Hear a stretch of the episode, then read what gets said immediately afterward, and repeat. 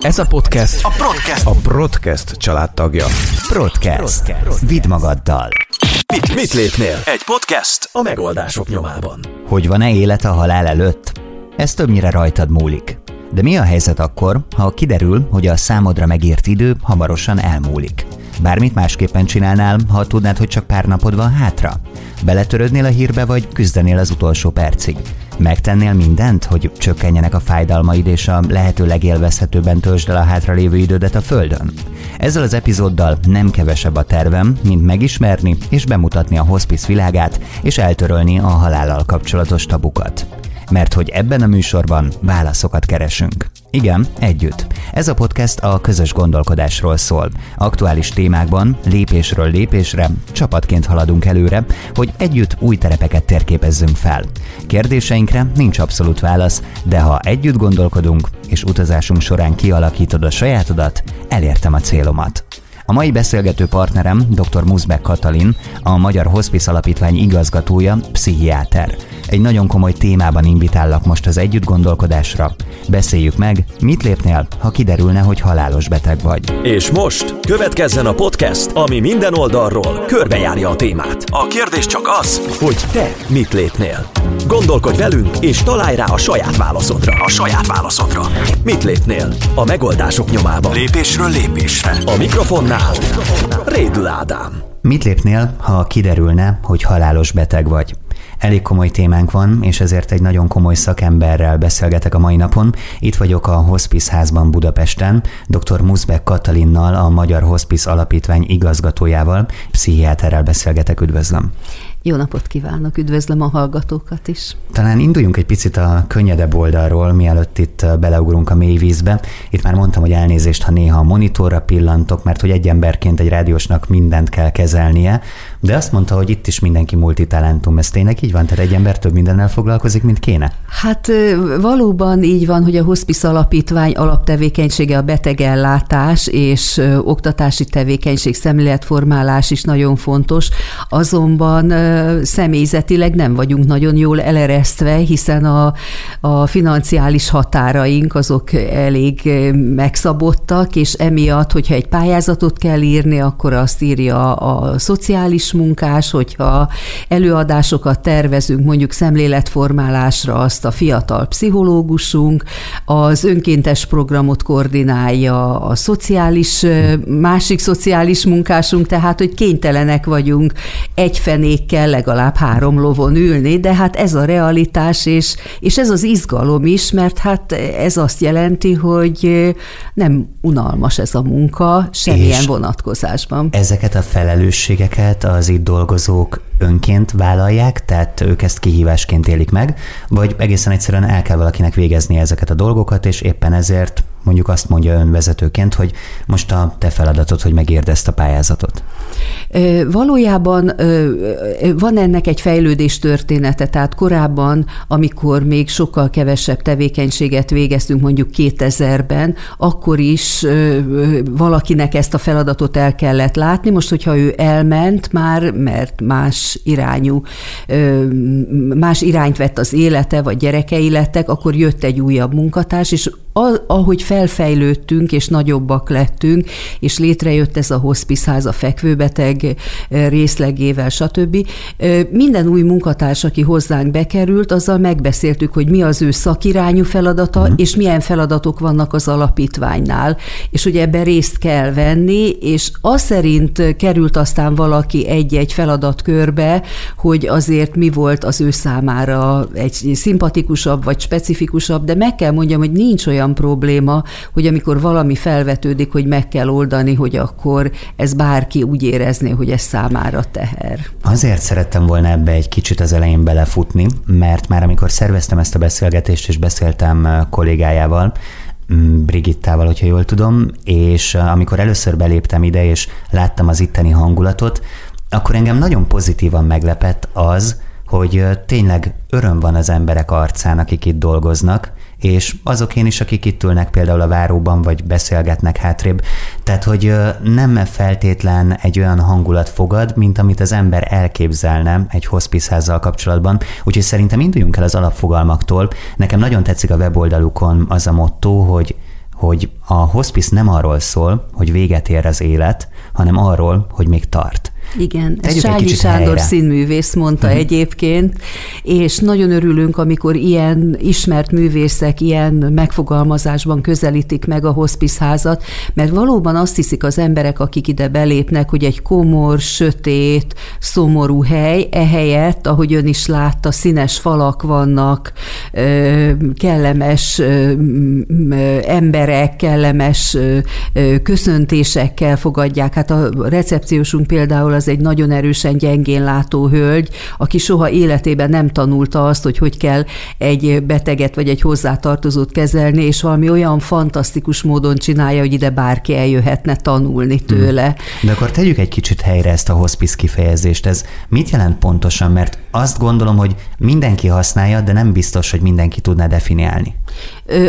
Van egy olyan konnotációja, egy olyan kapcsolódása, hogy nagyon erősen összekapcsolják a halállal. És valóban van a halálhoz erős kötődése azáltal, hogy a már nem gyógyít, a gyógyító kezelésben nem részesülő rákbetegeknek lett ez a rendszer felépítve nemzetközileg is, és Magyarország ezelőtt már majdnem 30 évvel ehhez a mozgalomhoz csatlakozott. A hospice az, ahogy az előbb is említettem, annak a betegcsoport, csoportnak szolgál menedékül és egy utolsó életvégi kezelési helyként, akiknél már gyógyítókezelés befejeződött a kemoterápia, nem operálható a beteg sugárterápia kimerítve, viszont ezek a betegek tele vannak tünettel és panasszal. Az hmm. első és legfontosabb az a fájdalom, ami a legjobban gyötri a, a betegeket és az embereket és a családokat, ez egy kibírhatatlan dolog, dolog, hogy valakinek fájdalmak közepette kelljen az élete utolsó szakaszát tölteni, de más tünetek is vannak, és akkor itt még a lelki tüneteket nagyon fontos szintén megemlíteni, hiszen a szorongás, a félelem, a lehangoltság, a depresszió, érdemes-e egyáltalán nekem küzdeni, mert már nagyon közel van a halál, hát ezekkel a tünetekkel mind kell kezdeni valamit. És a hospice egy erre felállított rendszer. Tehát a fizikai és a lelki tünetek kezelése, egy, egy szeretetteljes odafordulás, de egy magas szakmaiság is. Akkor jól értem azt, hogy aki idejön mondjuk egy hospice házba, vagy aki igénybe veszi egy hospice szolgálatnak a segítségét, az a korlátozott körülményei közül vagy között a lehető legjobbat tudja kihozni a hátralevő életéből. Igen, és Tehát ezt, segítenek. Is, és, és ezt is fontos elmondani, hogy a hospice rendszer eh, abban is segít a családnak és a betegnek, hogy otthon maradhasson. És ez már egy olyan pozitív tényező. Nekünk volt egy kutatásunk, amelyben meg, két ilyen kutatás is volt, amelyet a, a Tárkival és az Ipsosszal végeztünk, és mind a két kutatás azt mutatta, hogy a lakosságnak a 80 a körül eh, ezek egészséges emberek az uh-huh. életüket otthonukban szeretnék befejezni. Na most ehelyett az arány majdnem fordított, mert talán uh-huh. ha 20% maradhat otthon, amikor egy súlyos betegség vagy, a, vagy az időskor eléri. És korábban, míg a hospice rendszer nem létezett, addig régen elfekvő osztályoknak hívták ezeket a krónikus osztályokat, ma krónikus osztályok, ahova kerültek a betegek, de hát mind a személyt, mind a tárgyi feltételek, ezek ezek messze alulmúlták azt, amire egy ilyen életvégi ellátásban szoruló embernek szüksége van. Tehát a nagy kortermek, a fehér falak, a kevés személyzet, hogyha a család nem megy be segíteni, akkor még azt az ebédet se tudja megenni, amit az éjjeli szekrényére raknak. Na hát ezt váltotta ki a hospice rendszer Magyarországon is, és nem csak mi vagyunk egyedül, akik hospice ellátást végzünk, csak hospice ház ilyen felnőtt hmm. hospiceház, ez létezik egyedül. És ki az, aki jogosult erre? Olyan betegek, akiknél mondjuk először is le kell szögezni ezt, hogy rákbetegek. Van még egy-két olyan betegségcsoport, például az idegizombénulással járó betegségek, az AIDS, amelyek hospice ellátásra jogosultak. Az AIDS az Magyarországon nagyon szépen megoldott, mert a László kórházban ezt a, a betegség diagnosztizálásától kezdve az utolsó percig viszik.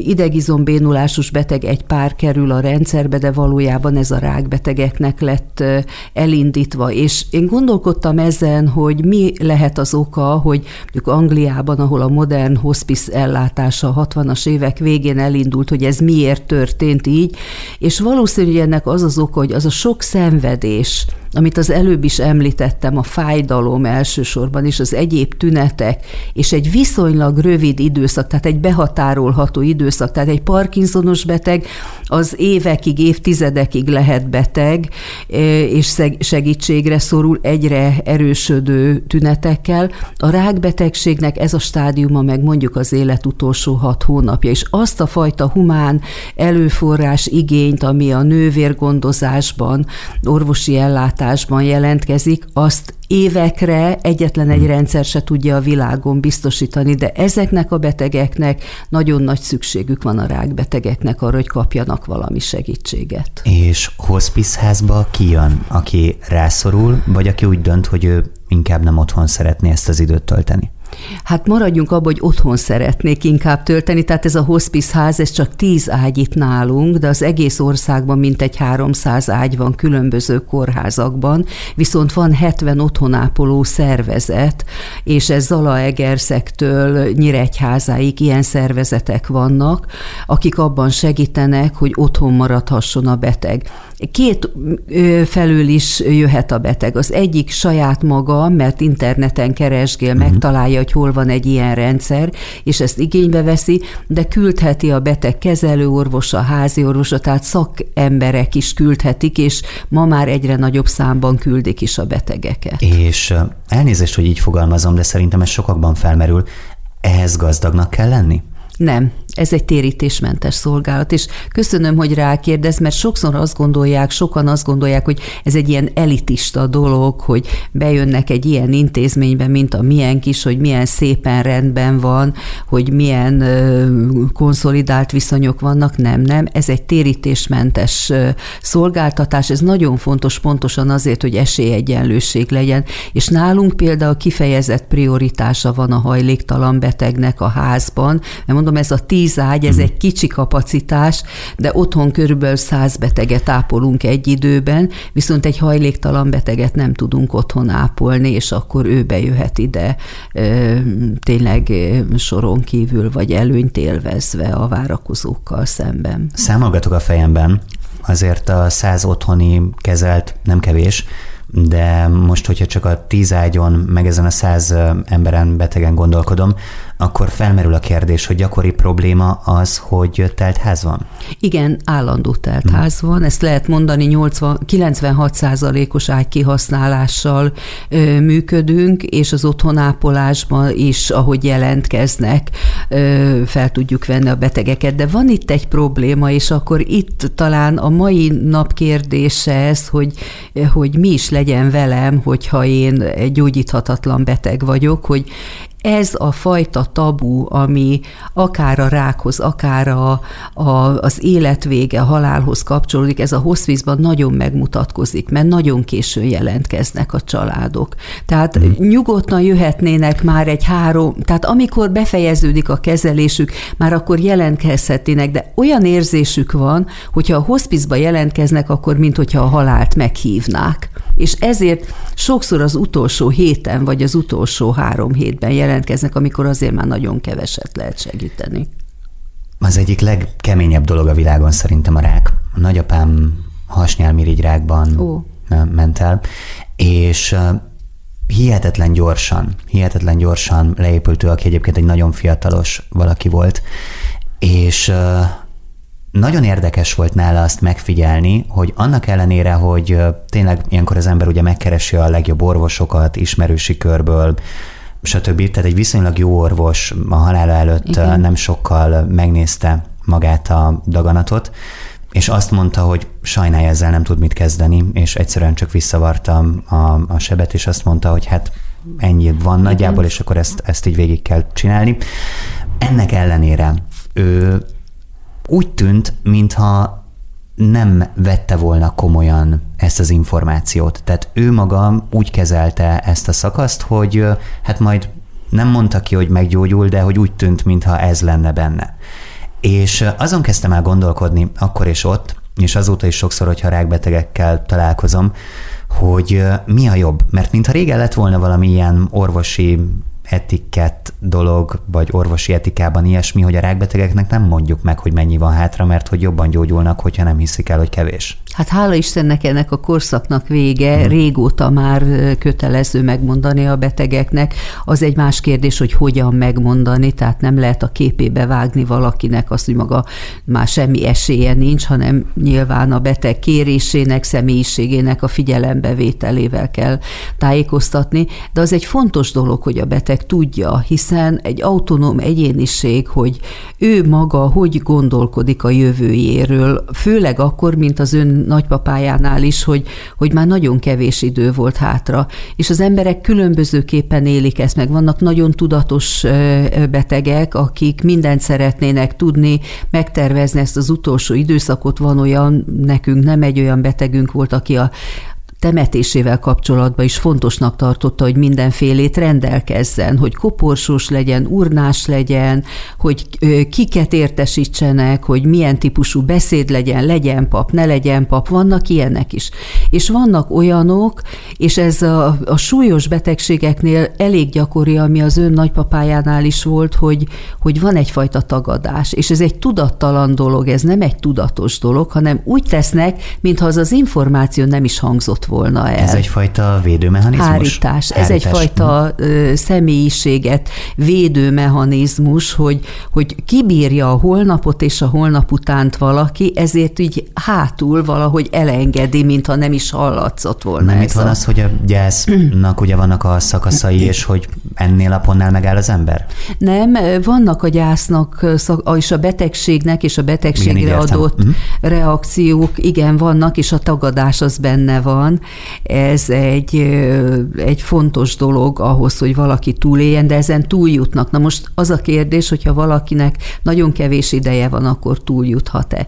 De elmondok egy olyan kísérletet, ami még a 80-as években ez hívta fel a figyelmet arra, hogy ez a jelenség milyen erős, hogy egy hamburgi sebészeti klinikán a daganatos betegeket operáló orvosokat kiképezték arra, hogy egyformán hogy közöljék a, a beteggel a diagnózis és az előtte álló műtétet és a kezelési lehetőségeket. És ezt felvették, rögzítették, uh-huh. majd a következő alkalommal, mikor másodszor jött a beteg, akkor megnézték, felvették újra a felvételt, rögzítettek, és kiderült, hogy a betegek több mint 60%-ánál úgy tűnt, mintha semmit nem hallott volna az elsőnél, hmm. az első tájékoztatásnál. Tehát, hogy annyira lezáródik ez a kapu, ez a rossz hír befogadására való képtelenség, ez olyan erős, hogy, hogy egy ilyen hárítás az elemi hmm. erővel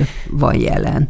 Említette ezt a tabu fogalmat, és nagyon érdekel ezzel kapcsolatban, hogy ön szerint ez inkább a beteg szemszögéből tabu, és miatt a tabu, vagy a család teszi tabuvá, illetve a környezete? Mind a két rendszerben látjuk. A család sokszor gondolja azt, hogy nem szabad megmondani, hogy mi a baj, mert akkor a beteg feladja. Hát itt is nagyon sok függ attól, hogy milyen személyiségű a beteg. Uh-huh. De például mi magunk is találkozunk nem egyszer olyan esettel, hogy megkeresnek minket, hospicellátás orvos, igen, ez kellene, nagyon jó lenne, a nővér orvos kijönne a lakásra, de nem mondjuk meg, hogy a hospisztól vagyunk.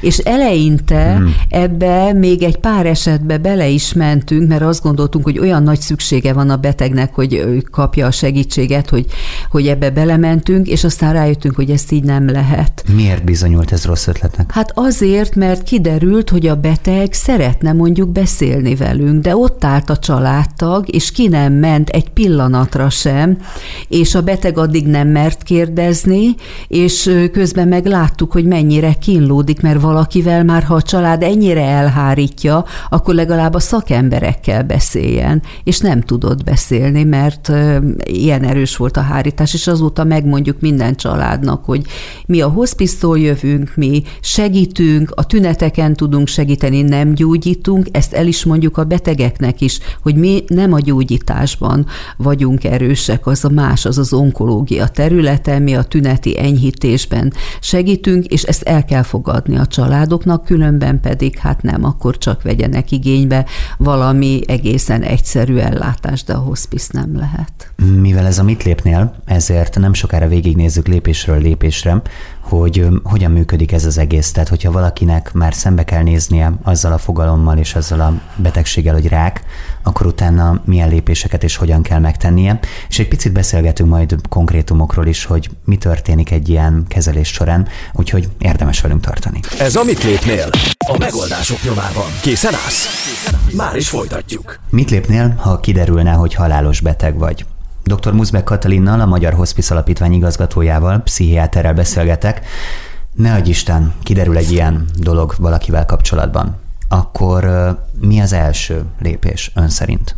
Hát a betegeknél azt látom, hogy sok kírozódnak. Tehát itt van az, amiről az előbb is beszéltünk, hogy meg se tudja hallani ezt az információt. Aztán hazamennek, ugye mikor az orvos közli, mert már ott már van egy konkrétabb lelet, ami alapján egy ilyet el lehet mondani, és azt, hogy milyen kezelésekre van szükség, és akkor otthon elkezdenek erről beszélgetni, és azt látom, hogy ilyen helyzetben tényleg szinte megbénulnak, és össze kell fogni a családnak, hogy akkor igen, meg kell tenni a következő lépést.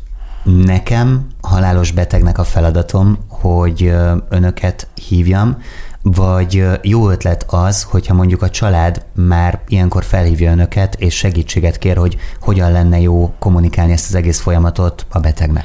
Igen, most egy picit szeretnék visszamenni az előző kérdéséhez, mert azt mondja, hogy mit tenne akkor, ha valakiről kiderül, hogy halálos beteg. Először is a rákhoz kapcsolódó halálos betegség, ez is egy rossz összekapcsolódás, mert a rák önmagában nem egy halálos betegség, egy súlyos betegség, de ma már több mint 50 50%-a a betegeknek meggyógyítható, és nagyon sok függ attól, hogy mikor jelentkezik a beteg, hányas stádiumban van már, vannak-e áttétek, milyen típusú a daganata. Tehát emiatt az ilyen műsorok, mint amilyet most ön is ö, ö, ö, csinál, nagyon fontos, hogy felhívja a figyelmet arra, hogy nem kell egy rákba meghalni, de igenis hmm. tessék elmenni a szűrésekre, jelen lenni azokon a megelőzési lehetőségeken, ami. Most amikor valaki rákbeteg lesz, akkor az még egy onkológia területe, az még nem a hospice területe. Tehát a, a beteg a, a hospice már csak akkor jelentkezik, mikor már minden kezelésnek vége van. És tényleg már akkor a négyes stádiumban, tehát a legelőre haladottabb stádiumban és semmit nem lehet tenni, de tele van tünettel. Tehát, hogy ott a csa- és az a tapasztalat, hogy zömében a család jelentkezik. Uh-huh. Ezt egyébként nagyon fontos, hogy elmondta, és köszönöm szépen. Csak azon filózom közben, hogy, hogy vajon jobb-e az, hogyha a család hívja ki önöket, mint hogyha maga a beteg dönt úgy, hogy neki szüksége van erre. Sok esetben ez egy együttműködés, tehát a beteg és a család együtt döntenek, de azért épp ahogy az előbb említettem, hogy előfordul bizony elég gyakran, hogy annyira előre haladott állapotban kérik a segítséget, hogy a beteg már nem is tud. Tehát ide egy hozzátartozó bejön egy zárójelentéssel, és akkor megbeszéljük, hogy miben tudunk segíteni, és például eloszlatjuk azt a, hiede, azt a, azt a gondolatot vagy hitet, hogy mi például gyógyítunk. Ezt meg kell mondani, hogy nem, ez egy más típusú kezelés. Elmondjuk azt, hogy miben tudunk segíteni. És itt az nagyon fontos, hogy a család és a beteg valahogy együttműködjön. Na de ez nem mindig megy. Ezt akartam kérdezni, hogy mit tapasztal az ilyen helyzetek? Összehúzzák a családokat, vagy inkább szétszakítják? Össze. abszolút összehúzzák a családokat, és olyan együttműködések alakulnak ki, olyan ö, visszatérések, ö, elvált feleség, például nem egyszer látjuk azt, hogy magára marad egy férfi, a gyerekek már felnőttek, nincsenek is Magyarországon, ez majd nagyon gyakori probléma, hogy a gyerekek nem nagyon elérhetők, és az elvált feleség jön segíteni.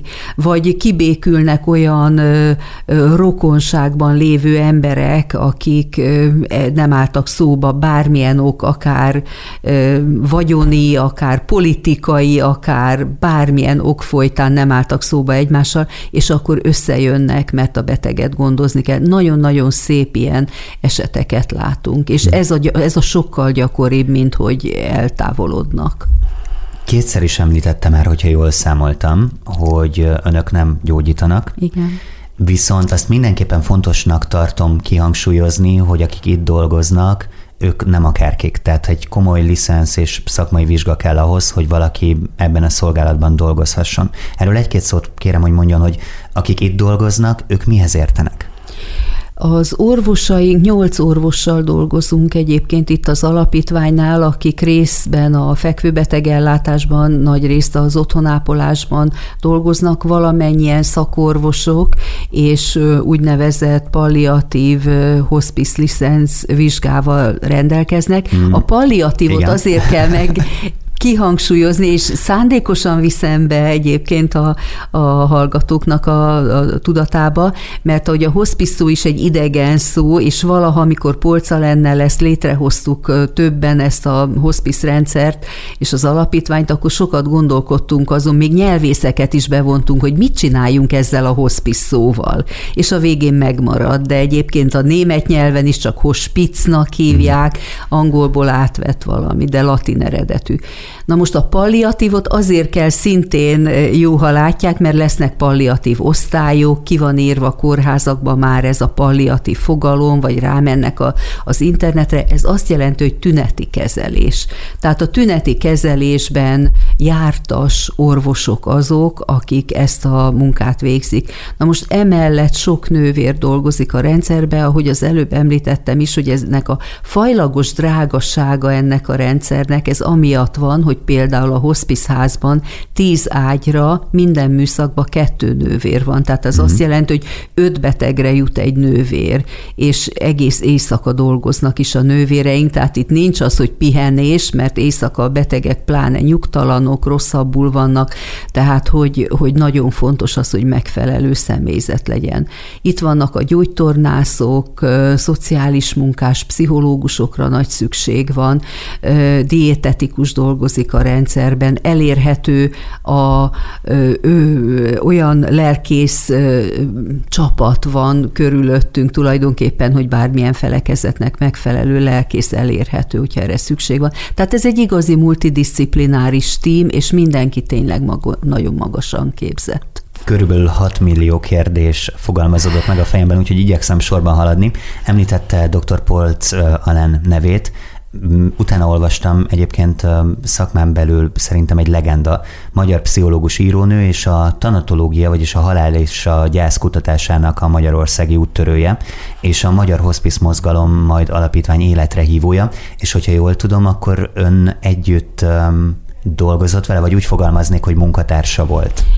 Igen, én nagy tisztelője voltam az ő munkásságának. Orvostan hallgatóként találkoztam vele, a gyermekklinikán dolgozott, és Alenről tudni kell azt, hogy ő olyan modern dolgokat hívott életre, amelyek akkor még nem léteztek. Tehát, tehát egy igazi rockstar a szakmán belül. Ő teljesen. Egy, tehát például az, hogy a gyerekek mellett a szülők, anyuka ott lehessen folyamatosan, ne csak látogatási időbe egy héten kétszer, ebbe a lennek úttörő része volt, vagy hogy haza lehessen vinni a gyerekeket.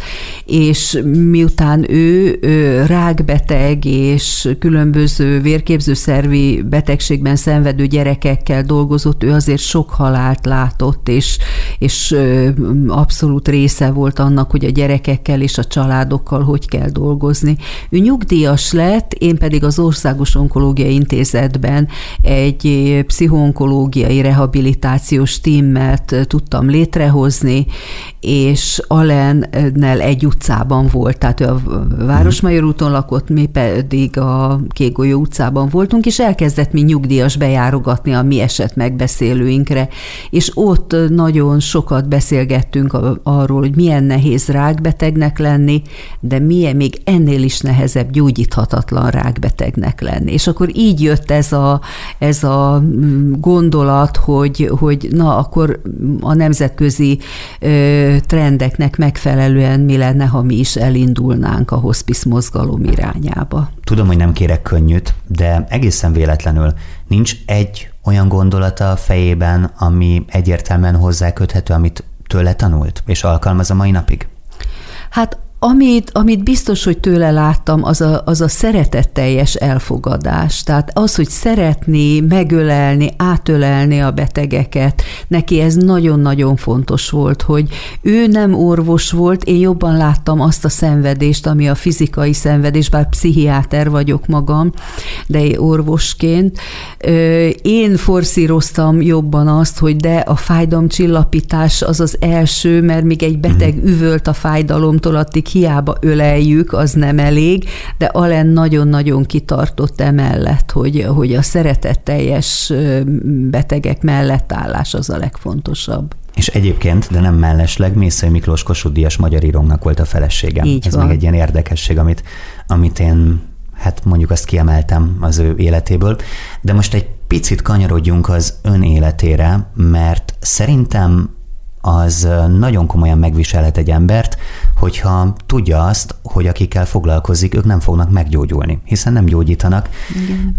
Mi itt a siker? Hogyan tudja ezt feldolgozni az ember? Igen, eleinte ez nem volt egy könnyű dolog, mert valóban minden beteget mi elveszítünk, legfeljebb a élettartam hosszabbodik meg. Most is van még olyan betegünk, akit 2011-be került a rendszerünkbe, wow. és szinten van a betegsége, és viszonylag jól van, és a kapcsolatot fenntartjuk, de hát most nem látogatjuk rendszeresen, csak amikor mm. éppen leesik a lábáról, de azért ez a ritka, a, a sokkal gyakoribb az, hogy elveszítjük a betegeket. Amit én látok, és nem csak magamról mondhatom ezt, hanem azokra a munkatársaimra, akik közvetlenül a beteg ágynál vannak, hogy ami nagyon sokat jelent, az az, hogy mennyi tüneti enyhítést tudunk nyújtani a betegeknek, hogyha egy fájdalomcsillapítás eléri azt, hogy egy tízes skálán nyolcas fájdalommal jön be a beteg, és mi azt le tudjuk vinni kettesre, vagy meg tudjuk szüntetni, hogy a betegek hogy felszabadulnak, és hogy, hogy, hogy milyen boldogok attól, hogy már mióta küzdködnek otthon a fájdalommal, és akkor megjelenik a doktornő a lakáson, és beállít egy új fájdalomcsillapító kombinációt, kombinációt, és boldogan telefonál másnap, hogy tessék elképzelni, aludtam éjjel. Tehát, hogy ezek, ez, ez nagyon-nagyon sokat jelent.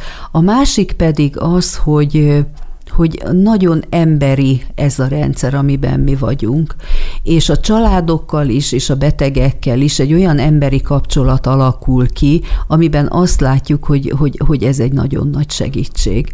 Tehát hozzám, mint pszichiáterhez sokszor jönnek konzultációra nem csak a gyógyíthatatlan rákbetegek, hanem általában egy diagnosztizált rákbeteg, és mikor leül és kiönti magából azt a sok feszültséget, szomorúságot, félelmet, ami tele van, amivel tele van, és utána azt mondja, hogy doktornő, én már jobban érzem magam, pedig semmi nem történt, csak annyi, hogy egy kis szakmai terelgetéssel próbáltam segíteni abban, hogy, hogy megkönnyebbüljön. Mindig felmerül bennem a kérdés, hogy a fodrásznak kivágja a haját. Tehát a pszichiáternek kell, hogy legyen pszichológusa, és ön szorgalmazza azt, hogy akik itt dolgoznak, nekik legyen akár lelkivezetőjük, pszichológusok, pszichiáterük? Én magam egy pszichoanalitikusan képzett szakember vagyok. Én tíz évig jártam pszichoanalízisbe, mm. és annak minden stádiumát, hogy, hogy magam megtanuljak kezelni számtalan jelenséget. Én ezt rendkívül fontosnak tartom, és azt is mondhatom, hogy veszélyesnek tartom, hogyha valaki csak úgy belevág, hogy elvégez egy egyetemet, és akkor utána úgy gondolja egy kis képzéssel, hogy ez mehet. De amit mondott, az rendkívül fontos, hogy hogy szupervízió. Tehát nálunk a nővéreknek is rendszeres szupervízió van, az orvosokkal együtt esetmegbeszélések vannak, egyéni és csoportos formában egyaránt, tehát egyszerűen kell a, a lelki egészségére gondolni a személyzetnek, mert különben kiégnek, és ezt a munkát nem lehet. Két dolog lehet, vagy annyira azonosul a beteggel, hogy mindenkivel meghal, hát ez természetes nem mehet, mm. vagy pedig eltávolodik és kiég, ez sem lehet. Tehát itt nálunk sokan dolgoznak már tíz éve betegágynál, és eszük ágába sincs elmenni, mert jól érzik hmm. magukat, és kapnak olyan segítséget, amivel feldolgozhatják ezeket a veszteségeket.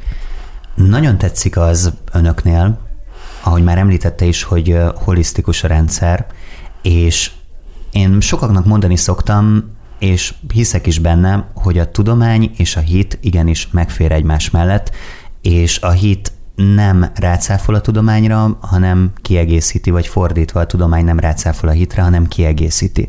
Volt szó lelkészről, pszichológus, pszichiáterről, volt szó dietetikusról, gyógytornászról, orvosról, de nagyon izgalmas az, hogy hogy lehet ennyi mindent figyelemben tartani, és ennyi mindent összehúzni. Tehát, hogyha mondjuk bejön valaki, aki keresztény, akkor az elsők között van az, hogy a hozzátartozó lelki gondozó is része lesz az ő kezelésének, vagy ezt ő választja? Ezt nagyon individuális minden, tehát nálunk minden beteg, ezt tényleg mondhatom, hogy egy-egy individum, tehát van a protokoll, ami bele van írva, hogy mit hogyan kell csinálni, de minden egyénre szabottan megy minden ellátás. Hogyha hívő beteg érkezik akármilyen felekezetből, mert azért sok felekezetből jöhetnek, akkor mi erre rákérdezünk, hogy van-e valami olyan igénye, ami a lelki gondozással kapcsolatos, vagy az ő vallásosságával, ha ez kiderül, és azt tapasztaljuk, hogy többnyire hozzák a, azt a lelki segítőt, akikkel korábban kapcsolatba álltak. Tehát nekünk itt áll egy háttér, de viszonylag ritkán veszik igénybe. És azt is látjuk, hogy könnyebb azoknak a családoknak, akik hívők. Tehát könnyebben hmm. megbirkóznak azzal, ami történik, de azért van olyan is, fiatal betegek elvesztésénél a család ott elkezd ágálni hogy a jó Isten miért adta ezt a helyzetet, és hogy ők nem érdemlik ezt meg, és hogy miért történik ez meg, hogy a 18 vagy 20 éves lány meghalljon. Hogyha valaki hívő, akkor azért kap lelki támogatást, mert ez neki igénye, vagy mert orvosként, pszichiáterként ön szerint fontos neki az, hogy legyen vele lelki gondozó. Ez a, csak a beteg igényeit követjük mi. Tehát ez is a szeretet alapú kezelésnek egy lépése? Nem is a szeretet, ez is egy szakmai dolog, hogy semmit hmm. nem erőszakolunk a betegekre. Tehát volt az, ugye nekünk egy nagy önkéntes hálózatunk van, mint egy száz önkéntessel dolgozunk, és itt mindenféle önkéntes. Van, aki rejkizik, van, aki különböző ezoterikus dolgokban hisz, van, aki nagyon hívő, vallásos bibliaolvasó, de a, a képzéseknél ezt mindig elmondjuk, hogy a beteget ki, mi kísérjük, és nem adunk ö, utasítást, vagy nem irányítjuk a beteget. Tehát senki nem ö, ö, vihet be még egy gondolatot se a betegnek, hogyha Istenben hinne, akkor most mennyivel könnyebb lenne, mert ha valaki nem hívő, akkor az utolsó percekben még ezt a terhet nem tehetjük rá, hogy azért érzi ő rosszabbul magát, mert nem hívő. A, a, a vallási kérdésekben semmilyen módon nem szoktunk hmm. aktívan fellépni, hanem, hanem akár a beteget, akár a családot megkérdezzük, hogy, hogy mit gondolnak, hogy segítene az, hogyha a pappal, a rabbival, hmm. a lelkészsel kapcsolatba kerülnének, és ha igen mondanak, akkor ebben segítünk. A ö, pszichológiai dolog az már más egy kicsit, mert hogyha én látom egy betegről azt, hogy mennyire depressziós és mennyire feladó, akkor leülök, és vagy én, vagy a pszichológusaink, és elkezdünk arról beszélgetni, hogy mennyivel könnyebb lenne, hogyha engedné azt, hogy egy kis pszichés támogatást kapjon, vagy egy kis gyógyszerrel, antidepresszánssal, szorongás csökkentővel segítenénk ezt az időszakot. És van, hogy nem fogadják el ritkábban, de mondjuk már a második beszélgetésnél biztos elfogadják ezt. Uh-huh. Nagyon érdekes, amit mond. Közben itt gondolkozom magamban ezen a témán, mert én ugye nem vagyok szakember. Nekem meggyőződésem az, hogy az Istenbe vetett hit az tud segíteni. Viszont abban mélységesen egyetértek, hogy ezt nem szabad súlyként ráhelyezni valakire. De azon elgondolkodom, hogy mivel nekem ez egy segítség, hogyha én egy önkéntes vagyok, akkor lehet, hogy mesélek arról, hogy nekem ez hogy segít. Tudom én ezt nem súlyként rátenni valakire? Nehezen, mert nagyon rossz állapotúak a betegek, és sorban mindig visszajelzésként megkapjuk a családoktól, vagy nem is a család, az nem annyira érdekes a betegtől, hogy, hogy nagyon kérik, hogy, hogy, hogy ne, hogy akkor hagyjuk őt békén. Tehát, hogy, hm. hogy nem, nem segít már ebben az időszakban, az nem segít, hogy azt mondjuk, hogy azt megkérdezzük néha, amikor látjuk, hogy határán van, hogy megengedi-e, hogy imádkozzunk érte. Hm. És akkor, ha azt mondja a beteg, hogy igen, akkor imádkozunk érte, vagy imádkoznak azok érte, akik ott vannak, és ebben tudnak segíteni. Van egy olyan rovatunk, amiben konkrétumokat vizsgálunk, vagy adott esetben csak valami különlegességet, egy kis interakciót belevarázsolunk ebbe a műsorba. Ezzel folytatjuk nem sokára, és konkrét esetet, esetleg eseteket fogunk megnézni. Folytat, folytatódik a Mit lépnél. Haladjunk tovább a megoldások nyomában most. Mit lépnél, ha kiderülne, hogy halálos beteg vagy? Dr. Muszbek Katalinnal, a Magyar Hospice Alapítvány igazgatójával, pszichiáterrel beszélgetünk, és az Activity rovatunkban pedig itt van nálam néhány fiktív relációkártya, Uh-huh. Tulajdonképpen erre karaktereket hoztam létre, családtagokat, körülöttünk élő embereket, és ezekből most kihúzunk egyet, elolvasom, hogy milyen adatok vannak rajta, és kíváncsi vagyok, hogy ebben az esetben ezzel a valakivel ön mit javasol, hogyan kéne bánni, mi a pszichiáter, illetve mi az emberi bánásmód. Mit lépnél? Activity. A család barátja, keresztény, gyermekkori barát, nagy állatbarát, jó humorú, extrovertált. Róla kiderül, hogy halálos beteg. A család barátja, tehát ezek szerint nem bérokon, nem hozzám tartozó, de én tudok önökről. Mi az én dolgom? Van-e dolgom? Mindenképpen el kell mondani ennek a, az illetőnek, hogy, hogy van egy olyan rendszer, tehát, hogy, hogy, hogy rosszul vagy, milyen panaszaid, milyen fájdalmad, mit kértél eddig segítségül, segített az, nem segített. Ha én megkeresek egy rendszert, ami tudna neked segíteni, elfogadnád?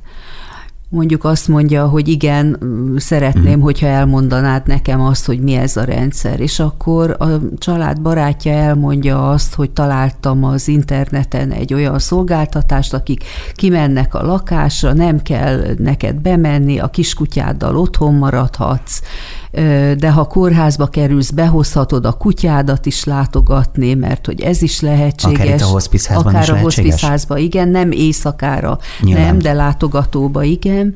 És, és akkor ők megpróbálnak neked segíteni.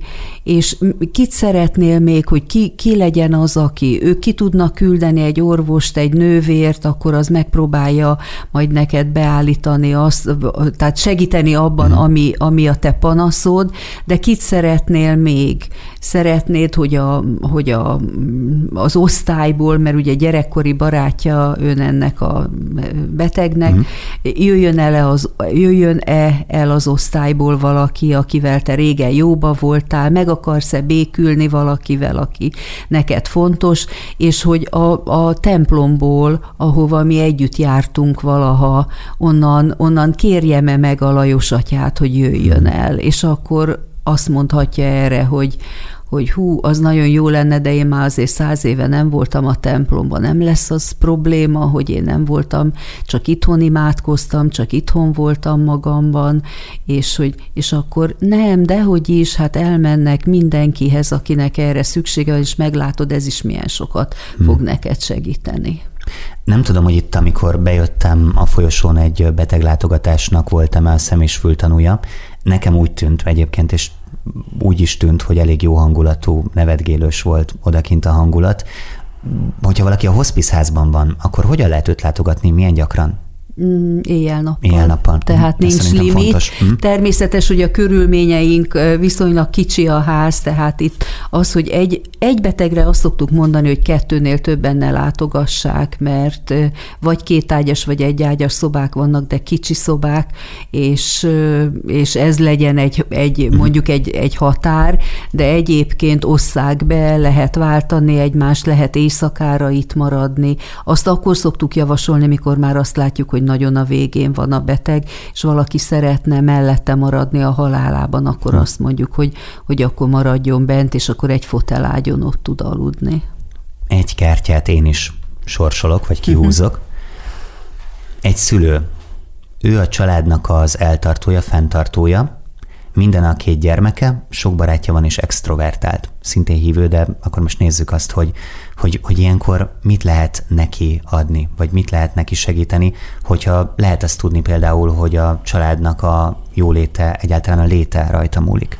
Most az ilyen családfenntartó általában férfiak szoktak, hmm. vagy jobban férfiak, azt mondom 70% férfi, őket a legjobban az nyomasztja, nem is, hogy velük mi van saját magukkal, mert abba segítséget kérnek, könnyen is tudnak, könnyebben tudnak segítséget kérni abban, hogy a saját tüneteit csökkentsék. Nekik a legnagyobb nehézség az itt maradottak, hogy mi lesz az itt maradottakkal, hogy fog történni. Most ilyenkor az orvoson nővéren kívül nagyon célszerű egy pszichiátert vagy egy pszichológust bevonni a beszélgetésekbe, mert mert ilyenkor a, a beteg nagyon őszintén feltárhatja az aggodalmait, akár hmm. olyat is, ami nálunk kiderülhet, hogy van máshol egy másik család, akiről ő gondoskodott korábban, akár jótékonyságból, akár valami régi szerelmi viszonyból. Ez most lehet, hogy furcsa így hallani, de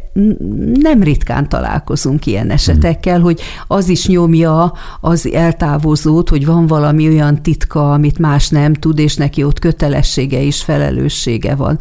De maradjunk egy egyszerűbb esetnél Igen. csak, hogy a, hogy a család egzisztenciája múlik rajta, hogy a gyerekek még tanulnak, és ebben az esetben a, a legtöbbet a betegnek azzal segítünk, hogyha őszintén elbeszélgetünk erről, meg hogy neki mit kell tenni, hogy kell-e például a végrendeletet írni, ha van valami bizonytalanság, hogy akkor hívunk közjegyzőt, és csináljon egy végrendeletet, vagy írjan írott kézzel, és tanúsítani lehet. Hmm. Tehát, hogy ilyesmiben, amiben a családnak, az itt maradóknak lehet majd neki segíteni úgy, hogy végig gondolja ezeket. Kaptam öntől egy szóróanyagot, és a beszélgetésünk előtt említette ezt az életvégi tervezés alapítványt. Ez mire vonatkozik? Néhány évvel ezelőtt jött létre többek között munkatársaink, önkénteseink segítségével egy olyan alapítvány, amely abban segít, hogy a beteg gondolja végig azt, hogy ő neki az élete végén mire van szüksége, és akkor itt fel van sorolva egy néhány dolog is, hogy végintézkedések, pénzügyi gondoskodás, akár a temetéssel kapcsolatos dolgok, de amit én kiemelnék itt kifejezetten, Igen. az a saját egészségével kapcsolatos. Ez mit jelent? És, és pedig ez azt jelenti, hogy lehet valakinek egy olyan rendelkezést hozni, hogy ő ha súlyos beteg állapotban van, akkor nem kívánja azt, hogy bármiféle beavatkozás történjen az ő egészségével kapcsolatosan, tehát elzárkózik, hogy megoperálják, elzárkózik, és el is mondok erre egy konkrét... Szabad ilyet? Szabad, szabad, hmm. ez teljesen törvényes, tehát a betegnek joga van forszírozni a kezeléseket egy bizonyos határig, természetes a szakmaiságot figyelembe véve, és joga van lemondani a kezelésekről. Volt egy ilyen esetünk, Judit egy 51 nehány éves nőbeteg került be hozzánk, akinek korábban már bélelzáródása volt, és operálták az alapdaganata miatt kialakult bélelzáródást. És ez a bélelzáródás még egyszer megismétlődött, és akkor a korteremben volt egy olyan beteggel együtt, a kórházban, korteremben, akinek már két ilyen bélelzáródása volt, és a második műtét után nem is sikerült ezt megúsznia és a második műtét után ez a beteg idejött hozzánk, és azt mondta, hogy ő szeretné, tud a hospice alapítványról utána olvasott, és hát ha mi tájékozottak vagyunk abban, hogy mit tehető annak érdekében, hogy ő nem akar több műtétet, már pedig, hogyha nála egy bélelzárodás kialakul, akkor az orvosok a szakma szabályai szerint újra megoperálják. És akkor mi elmondtuk, hogy mit ír a jogszabály, hogy milyen orvosokat kell papírt hozni, hogy ő épelméjű, két orvostól más aláírás, közjegyzőhöz elmenni, és megírni ezt, hogy ő nem kíván beavatkozást. De én akkor azt mondtam, hogy ha újra jön egy bélelzáródás, akkor én felveszem ide a rendszerünkbe, mert hát az azt jelenti már, hogy akkor nagyon előre haladt a betegség. Meg is történt ez a dolog, és itt a házon belül sikerült megoldani műtét nélkül, különböző gyógyszerekkel, hogy ezen túljusson, és hónapokig élt még utána itt a házban, hm. úgy, hogy az egyik születésnapjára összejöttek a régi gimis osztálytársak, és az egyik osztálytárs egy, egy ismert zenekarnak volt a zenésze, és egy kis koncertet is hm. csináltak neki, és nagyon-nagyon szépen telt ez az időszak. Tehát ez egy fontos dolog, hogyha valaki úgy gondolja, hogy már ne történjen beavatkozás. De ezt én csak a hospice relációban mondom most, de ez valójában nem erre szólna, ez arra szólna, hogy akár egy 50 éves, akár egy 70 éves egészséges ember még életében hozhat ilyen határozatot saját magával kapcsolatba, hogy ő mit nem szeretne. Például, hogyha van egy súlyos agyvérzése, akkor őt ne tegyék gépre, vagy valami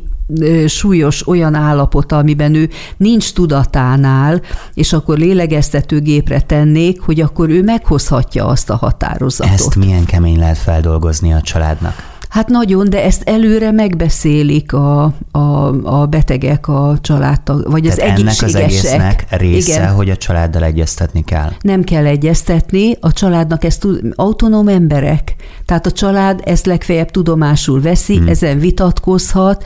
Igazából, ahogy ön mondja, a nehéz helyzet akkor van, amikor valakinél bekövetkezik. Mert ugye valaki Pontosan. úgy írja meg ezt, a végre, ezt az élő végrendeletnek nevezhető dolgot, amikor amikor még semmi baja nincs. Igen, De pont mondjuk van gondoltam. egy balesete, vagy valami, és akkor, na, akkor a családnak ez nagyon kemény, hogy ott a papír.